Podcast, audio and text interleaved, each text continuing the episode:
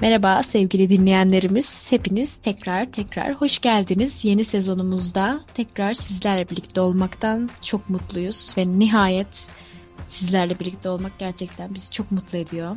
Betül'le ben yeniden bir araya gelebildik onca zamandan sonra ve hepimizin hayatındaki değişiklikler gibi bizim de hayatımızdaki değişiklikler bir türlü bir araya gelmemize izin vermedi. O yüzden ikinci sezonumuza birazcık geç başlamış olduk ama bu kesinlikle geç başlamak istediğimizden değil yani. Sizi çok özledik. Kayıt almayı da çok özledik. Ve yepyeni bir konuyla, yepyeni bir seriyle sizlerle birlikteyiz tekrardan. Evet, ben de bir merhaba diyeyim sayın e, dinleyicilerimize. Ben de bu tatil boyunca Elif böyle dinleyicilerimizden falan hadi ne zaman başlayacaksınız? İşte yeni konumuz ne olacak gibi bazı geri dönüşler aldım.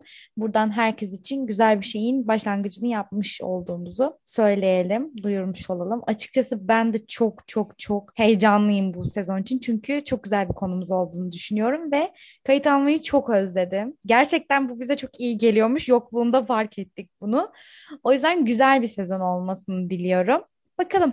Umarım bu konumuzda çok beğenilir. Evet, ben de çok beğenileceğini düşünüyorum ve ben ben de gerçekten çok özledim bu tip şeyler araştırmayı zaten çok severek okuduğum şeylerdi ve tekrar tekrar araştırma yapmak ve bu konularda yeni şeyler öğrenmeyi tekrar çok özlemişim ve sizlerle paylaşmayı da çok özledim gerçekten. Evet, tatillerimizi yaptık. Hayatımızda yeni ve bambaşka dönemlere girdik. Girmiş bulunmaktayız ve gireceğiz. Umarım her şey hepimiz için çok iyi olur.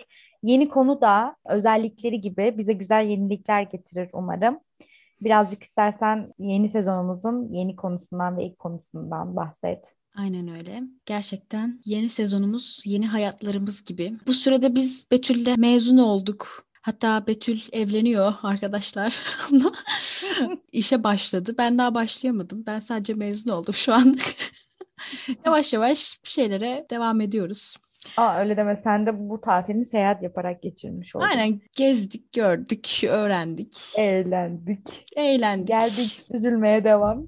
Aynen öyle. Hayatlarımız tekrar bir düzene girmeye başladı ve yeni bir seriyle daha sizin karşınızda olma fırsatını bulduk. Ve bu fırsatta da çok merak ettiğimiz bir konu olan mitolojilerdeki ağaçlardan bahsedeceğiz. Nihayet konuya girebildim yani şu anda. Yarım saattir konuşuyorum.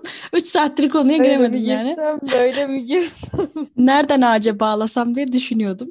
Buradan bağlayayım Ağaçlar. dedim. Mitolojilerdeki ağaçlardan bahsedeceğiz bu serimizde. Neden ağaçlardan bahsedeceğiz? Çünkü daha önce de mitolojik hikayelere referans yapılan filmlerde gördüğümde ya da hikayeleri okuduğumda, mitolojiyle alakalı araştırmalar yaptığımda çoğu mitolojide çok önemli bir ağacın olduğunu fark etmiştim. Hani bu ağaç genel olarak bu mitolojilerin temelini oluşturan bir yapıda oluyordu ve hani Betül Yasemin'le dedik biz bir bakalım gerçekten de her mitolojide önemli bir ağaç var gibi dedik. Hani gerçekten var mı dedik. Sonra araştırınca o kadar kolay. Gibisi fazla geldi. Evet yani o kadar kolay. Hani çok şey hissettim gerçekten. Bunu nasıl bilmezsin gibi. Aslında bildiğimiz birkaç ağaç vardı yani ayrı ayrı. Da bunların bu kadar derin e, sembolize ettiğini bilmiyorduk belki. İşte biz de bunu kendi merakımızdan yola çıkarak bu noktayı bir aydınlatalım dedik. Aslında güzel oldu bence.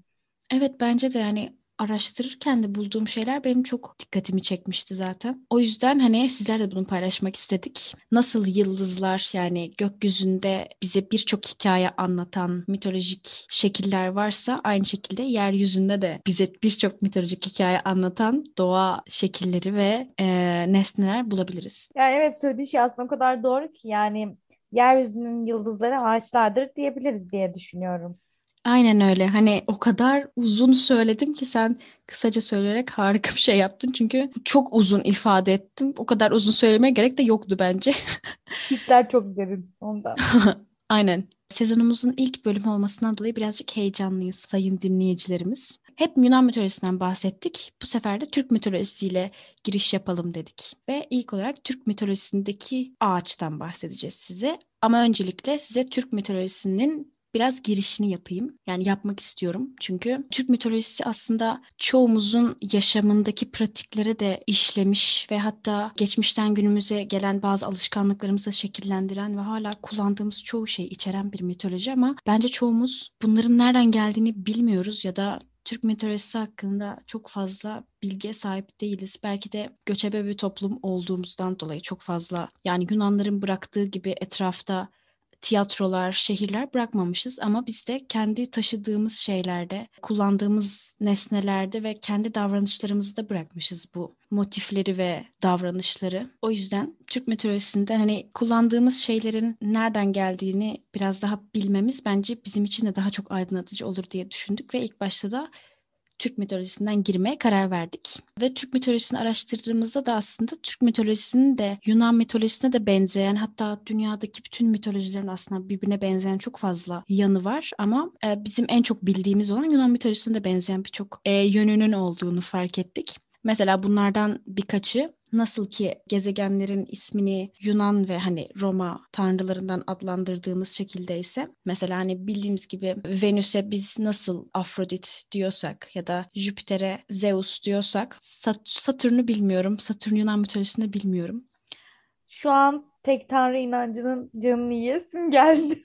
Ay evet o kadar o kadar. Türkler bu diyor falan. evet şu an kafamda tanrılar uçuşuyor yani. hangi birini Yalnız hangi biri. çok iyi bir alternatif müzik grubu şarkı ismi. Kafamda tanrılar. Gerçekten tam anlamıyla böyle uçuşuyorlar, uçuşuyorlar. Çünkü yok gök tanrısı, yok deniz tanrısı, tanrıçası falan derken her yerde bir tanrı tanrıça herhangi bir şey çıkabilir.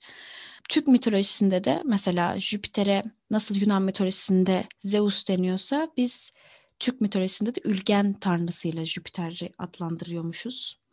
Bu hani bana çok şaşırtıcı geldi araştırırken çünkü nasıl ki Jüpiter'in Zeus'u karşıladığı gibi biz de Ülgen'i karşıladığını düşündüysek Ülgen'e de Zeus gibi bazı özellikler koymuşuz. Hatta araştırırken çok fazla Zeus'a benzediğini fark ettim. Mesela hani Ülgen de tanrıların tanrısı olarak adlandırılabilecek bir tanrı. Diğer tanrılardan daha üstün aslında Karahan tanrısından bir aşağı ama diğer tanrılardan da üst, üstün Ülgen. Gök cisimlerini yönetiyor, yağmur yağdırıyor, gök gürültüsü ve yıldırım, yıldırımlar da gönderebiliyor. Bu açıdan da aslında çok Zeus'a benziyor. Ama Ülgen'in gönderdiği yıldırımlar her zaman silah olarak değil bazen yıldırımlarla vurduğu yerlerin de e, kutsallık kazandığına dair de söylemler var. Yine de bu açılardan çoğu zaman Zeus'a çok benziyor. Bir de onun hakkında şöyle bir rivayet var.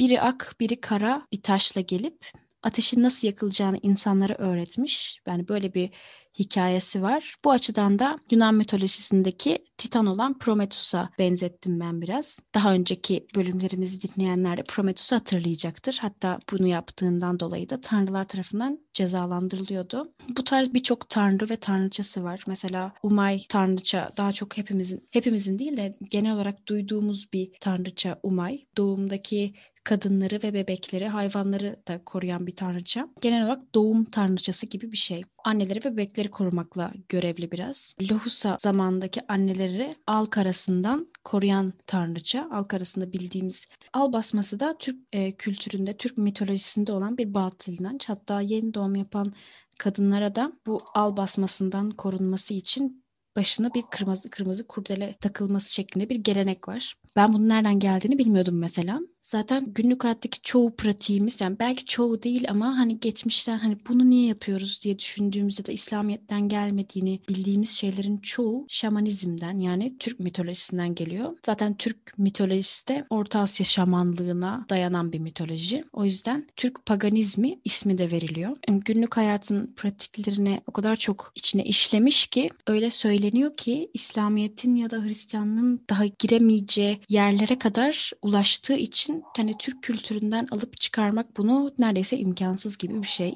O yüzden daha kültürel olarak kalmış. Yani dini inançtan çıkmış ama kültürümüzde hala yaşamaya yani kültür olarak yaşamaya devam ediyor. Özellikle motiflerimizde yaşamaya devam ediyor. Motiflerimizde yaşamaya devam ediyor. Evet. Motifler derken de en çok Anadolu'da dokunan halı, halılar. Mesela şu da çok dikkatimi çekmişti ararken. Yani bazı paraların üzerinde de bu eski Türk motiflerine dayanan bazı motifler var. Türk çinilerinde de bu motifler var. Ve hani bu motifler genel olarak en çok kullanılanları hayvanlar olarak mesela geyik, kartal motifi, ejder motifi, yılan motifi ve bunların dışında da en çok kullanılan da hayat ağacı. Hayat ağacı motifi de her yerde kullanılıyor. Yani bunu gördüğümde Aa, gerçekten bu hayat ağacı mıymış diye düşünüyorum. Çünkü her yerde görüyormuşuz ve onun hayat ağacından esinlenilen bir motif olduğunu bilmiyormuşuz. Bu beş kuruşun üzerindeki motif de hayat ağacımış aslında. Beş kuruş varsa elinizde hemen bir bakabilirsiniz neymiş bu diye. Çinilerde de çok fazla kullanılıyor. Halılarda çok kullanılıyor. Kıyafetlerin motiflerinde büyük ihtimalle çok kullanılıyor ve hayat ağacına nasıl bu kadar kültüre işlemiş olduğunu ve kadar kutsal saydıklarını da buradan görebiliriz. Neredeyse en çok kullanılan motif hayat ağacı çünkü. Buradan da hayat ağacına bağladığım için çok mutluyum şu anda. Hayat ağacının da aslında biraz da özelliklerinden bize Betül bahsedecek. Ben o yüzden Betül'e birazcık devrediyorum yavaş yavaş. Teşekkür ediyorum. Sizleri çok özledim. Söyleyeceklerim bu kadar. Evet. Aslında şey ben de şey diye düşünüyorum hani artık gerçekten Anadolu'da falan bir yerde veya böyle hani ben mesela çok fazla böyle aşırı kilim desen seven böyle çok hani etnik, otantik bir tarz olan insanım. Yani kendimi böyle tanımlayabilirim. Sen de biraz böylesin bence Elif. O yüzden bizim belki de dikkatimizi bu kadar çok bu konuların çekmesinin sebebi bu olabilir. En azından hiçbir şey olmasa bile artık herhangi bir halıya falan bakarken Aa, hani burada da şu desen varmış falan diye hani o halı şeylerini böyle bir anlamlandırabiliriz yani hani. Küçükken falan hatırlıyorum böyle hani senin de oluyordur mutlaka. Hatta çoğu dinleyicimize de oluyordu işte misafirliğe falan gittiğimizde. Yapacak hiçbir şey yok. Ne yapacaksın? Çevreni gözetliyorsun veya işte hani annen baban seni azarlarken falan hani.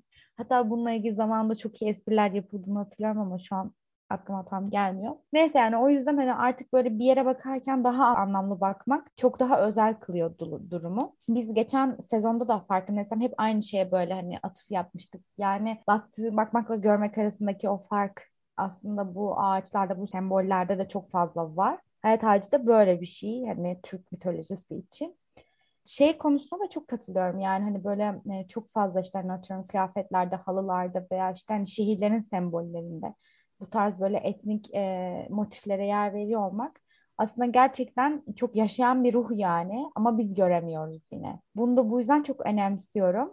Ben de birazcık şeyden bahsetmek istiyorum. Yani bizim yeni sezon konumuz ağaçlar, mitolojilerdeki ağaçların önemi ve yaklaşık 12 tane ağacın öneminden bahsedeceğiz.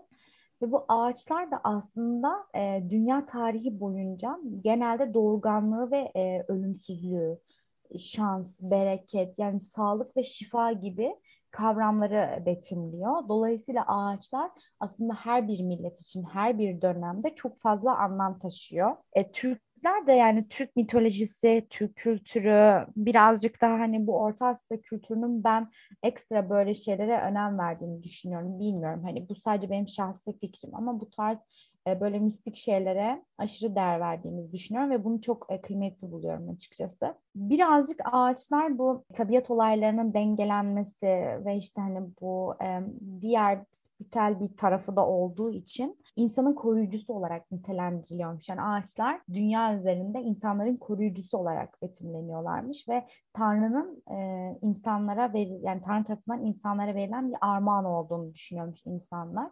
Hatta ben e, bunu araştırırken şey düşündüm. Hani mesela işte eski yine Türk e, adetlerinde mesela işte hani ağaca çaput bağlama geleneği. Bu da bir şaman geleneği zaten.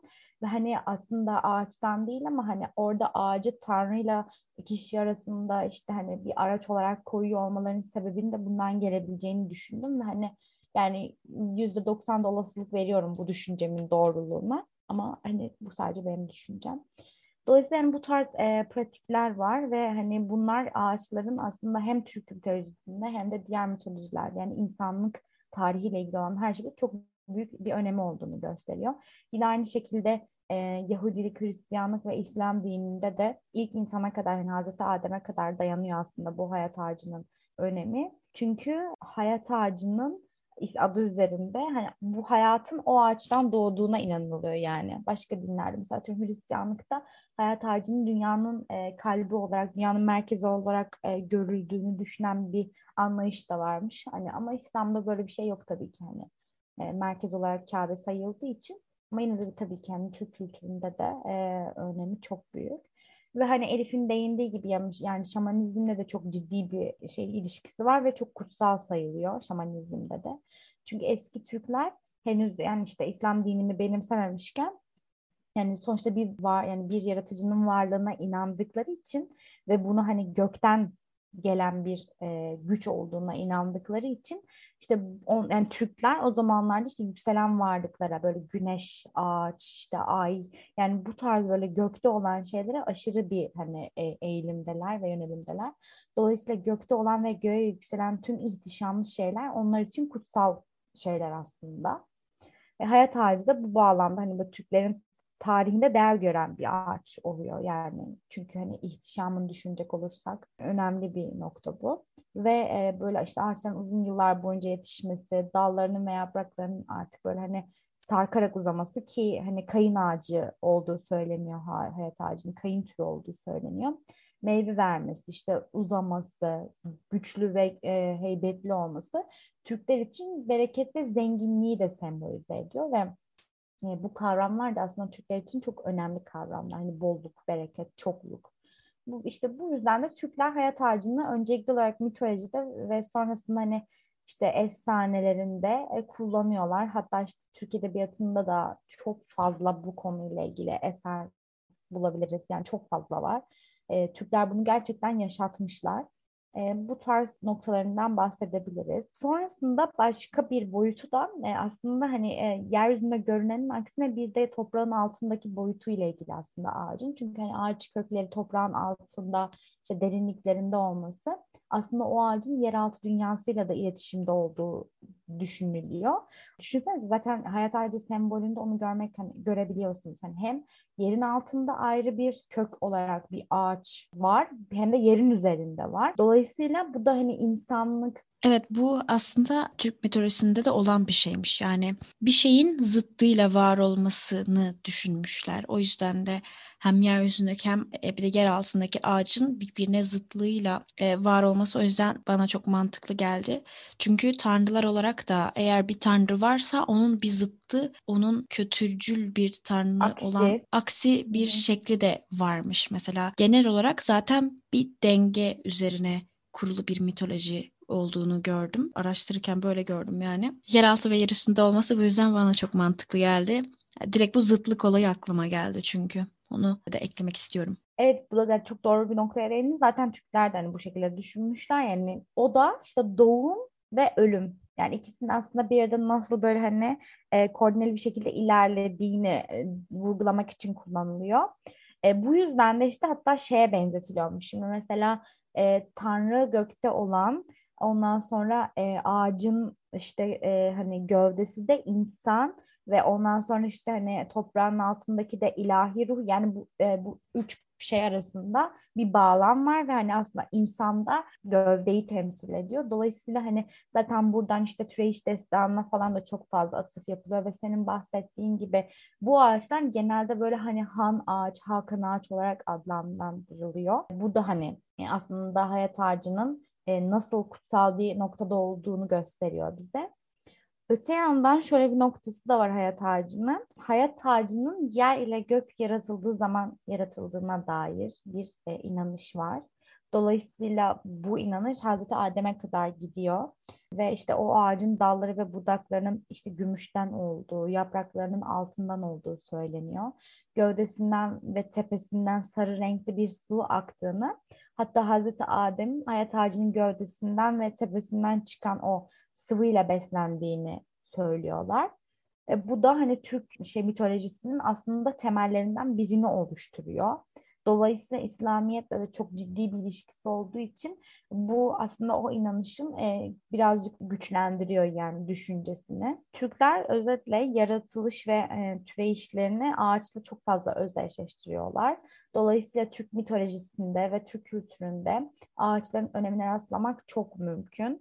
Ve hayat ağacı da her aslında millet için önemli bir noktayı temsil etse de özellikle Türkler bunu çok fazla benimsemişler ve dolayısıyla Türk mitolojisinde biz hayat ağacını anlatmayı tercih ettik. Bu yüzden e, çok kıymetli olduğunu düşünüyorum. Özellikle hayat ağacının e, anlamı bu şekilde. Tabii ki bizim anlattığımızdan bin kat daha fazlasıdır aslında olan. Ama işte biz bir kısmını ve kendi ilgimizi çeken kısmını paylaşmayı tercih ediyoruz. Hayat ağacı ile ilgili söylemek istediklerimiz bu kadar diye düşünüyorum. Sen ne düşünüyorsun Elif'ciğim?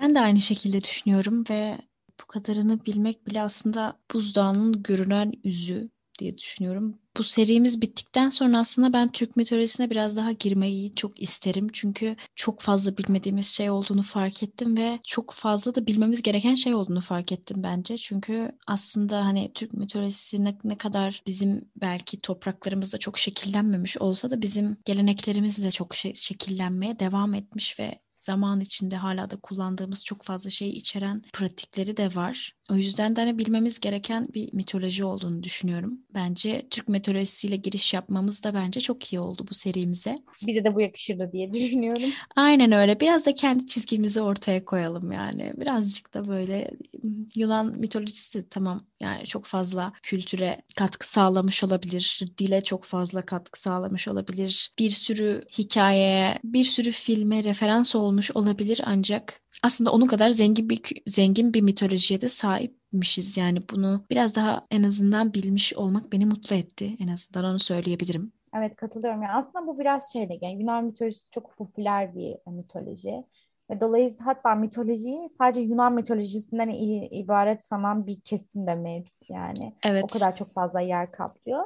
Hani bu sadece işte neye hani e, neyi popüler yaptığın ve neyi araştırmak istediğinle çok ilgisi olan bir şey ama hani mitoloji Hı-hı. o kadar geniş bir şey ki hani biz aydınlatabildiğimiz kadar noktayı aydınlatalım da gerisinde seyircilerimizin, dinleyicilerimizin merakına bırakmış olalım diye düşünüyorum. Aynen öyle. Ee, yani Yunan mitolojisinin aslında o kadar yaygın olmasının sebebi biraz da yerleşik bir düzenleri olmasından yani evet, tarihlerin evet. yerleşik olmasından ya yapılarında okuyabildiğimiz için biliyoruz ama Türkler göçebe bir toplum olduğu için yazıyı aktarmak yerine daha çok pratiklerine ve gelenekleriyle bunu taşımaya öncelik öncelik sağlamışlar. Bu nasıl? Evet, sözlü bir sözlü bir gelenek sürdürdükleri için çok uzun bir dönem. Aynen. Ya o da mesela dilden dile aktarılırken de çok fazla değişime uğruyor. Ama işte Hı-hı. mesela şöyle bir şey var. Dilden dile aktardığın şeyde bir değişim oluyor ama pratiklerde çok fazla o değişimin olmadığını görüyoruz aslında. Çünkü hani mesela düşünsene yani şaman geleneği kim bilir kaç yüzyıl önceki bir kırmızı kurdayla bağlama geleneği hala devam ediyor. Yani o sözlü gelenekteki uğranılan o kayıp aslında eylemdeki o gelenekte çok fazla olmamış oluyor. Türklerde de biraz bu var. Hani mesela biz bir hareket yaparken neyi neden yaptığımızı düşünmeden yapıyoruz çünkü o öyle diye. Yani o sorgulama olmadığı için orada bir bozulma olmamış oluyor. Belki de hani o yüzden bu kadar çok kültürümüzde hani şaman e, esintisi görüyoruzdur. Evet aynı şekilde mesela ben şu an öğrenmedim ama mesela tahtaya vurma geleneği de çoğu zaman kötü şansı ve kötü gözleri, kötü kaderi kovmak için yapılan bir pratik. Ama bunun şamanizmden geldiğini ve Türk mitolojisinden geldiğini çok sonra öğrenmiştim. Ama bu hepimizin yaptığı bir şey aslında. Hani biraz refleks olarak artık bunu yapmaya başlamışız. Evet evet. Niye yapıyoruz biz bunu abi falan diye sorgulamadığımız Hiç, için. Evet tahtaya vur. Hani hemen onu yapmamız gerekiyor gibi hissetmişiz gerçekten. Hani bu artık bizim çay içmek gibi bir geleneğimiz yani niye çay içiyor bu toplum diye sormamışız. Hiç sormuyoruz. Niye soralım gibi bir şey olmuş. Ama nereden geldiğini bilince daha çok anlam kazanıyor bence yaptığımız evet. eylemler de aynı şekilde. Daha kıymetli oluyor. Ya geçen dönemde hep konuşuyorduk yani aslında hani gökyüzüne baktığın zaman neyin nereden geldiğini ve işte hani hangi takım yıldızın aslında neyi sembolize ettiğini bildiğinde çok daha anlamlı oluyor. Bu da onun gibi işte yani bu hayatın içinde de çok fazla olan bir şey zaten aslında üstüne de çok konuşmaya gerek yok ama hani bu bizde uyandırdığı hissiyattan dolayı olduğu için söylüyoruz. Aynen ya bence özetle güzel bir girizgah oldu. Hayat ağacıyla bunu de. yapmış olmamız da çok kıymetli oldu. Bence de. Bakalım ilerleyen bölümlerde kahramanlarınızın başına neler gelecek? Aynen öyle. Bence de kesinlikle söylediğin gibi ve aynı zamanda da bütün eski inanışların ve mitolojilerin de ağaçlara ve doğaya ne kadar önem verdiklerini gördüğümüzde bence şu an asıl kendimizi uyarlamamız gereken şey doğaya bu kadar saygı duyup ona önem vermemiz gerektiği tekrar bunu hatırlamamız gerektiği bence. Çünkü doğa her zaman kazanır arkadaşlar. Hani bizim doğaya karşı bir savaş açmamız bizi galip getirmeyecek kesinlikle. Aynen bizi güçlü evet, get- yapmayacak öyle. ve böyle bir söz vardı. doğaya karşı bir savaş içindeyiz ve kazanırsak kaybedeceğiz diye ve bu benim çok hoşuma giden bir söz. Bunu da söyleyerek bu bölümümüzü noktalayabiliriz. Noktalamış olalım. Güzel bir nokta oldu. Aynen teşekkür ederim. Ben hatta bir iki nokta daha koyup üç nokta yapıyorum biraz üzerine düşünelim diye. Aynen öyle. Bunun üzerine düşünelim zaman- biraz. O zaman Haftaya görüşmek üzere. başka bir ağacımızın ve başka bir mitolojik ağacımızın hikayesiyle sizlerle olacağız.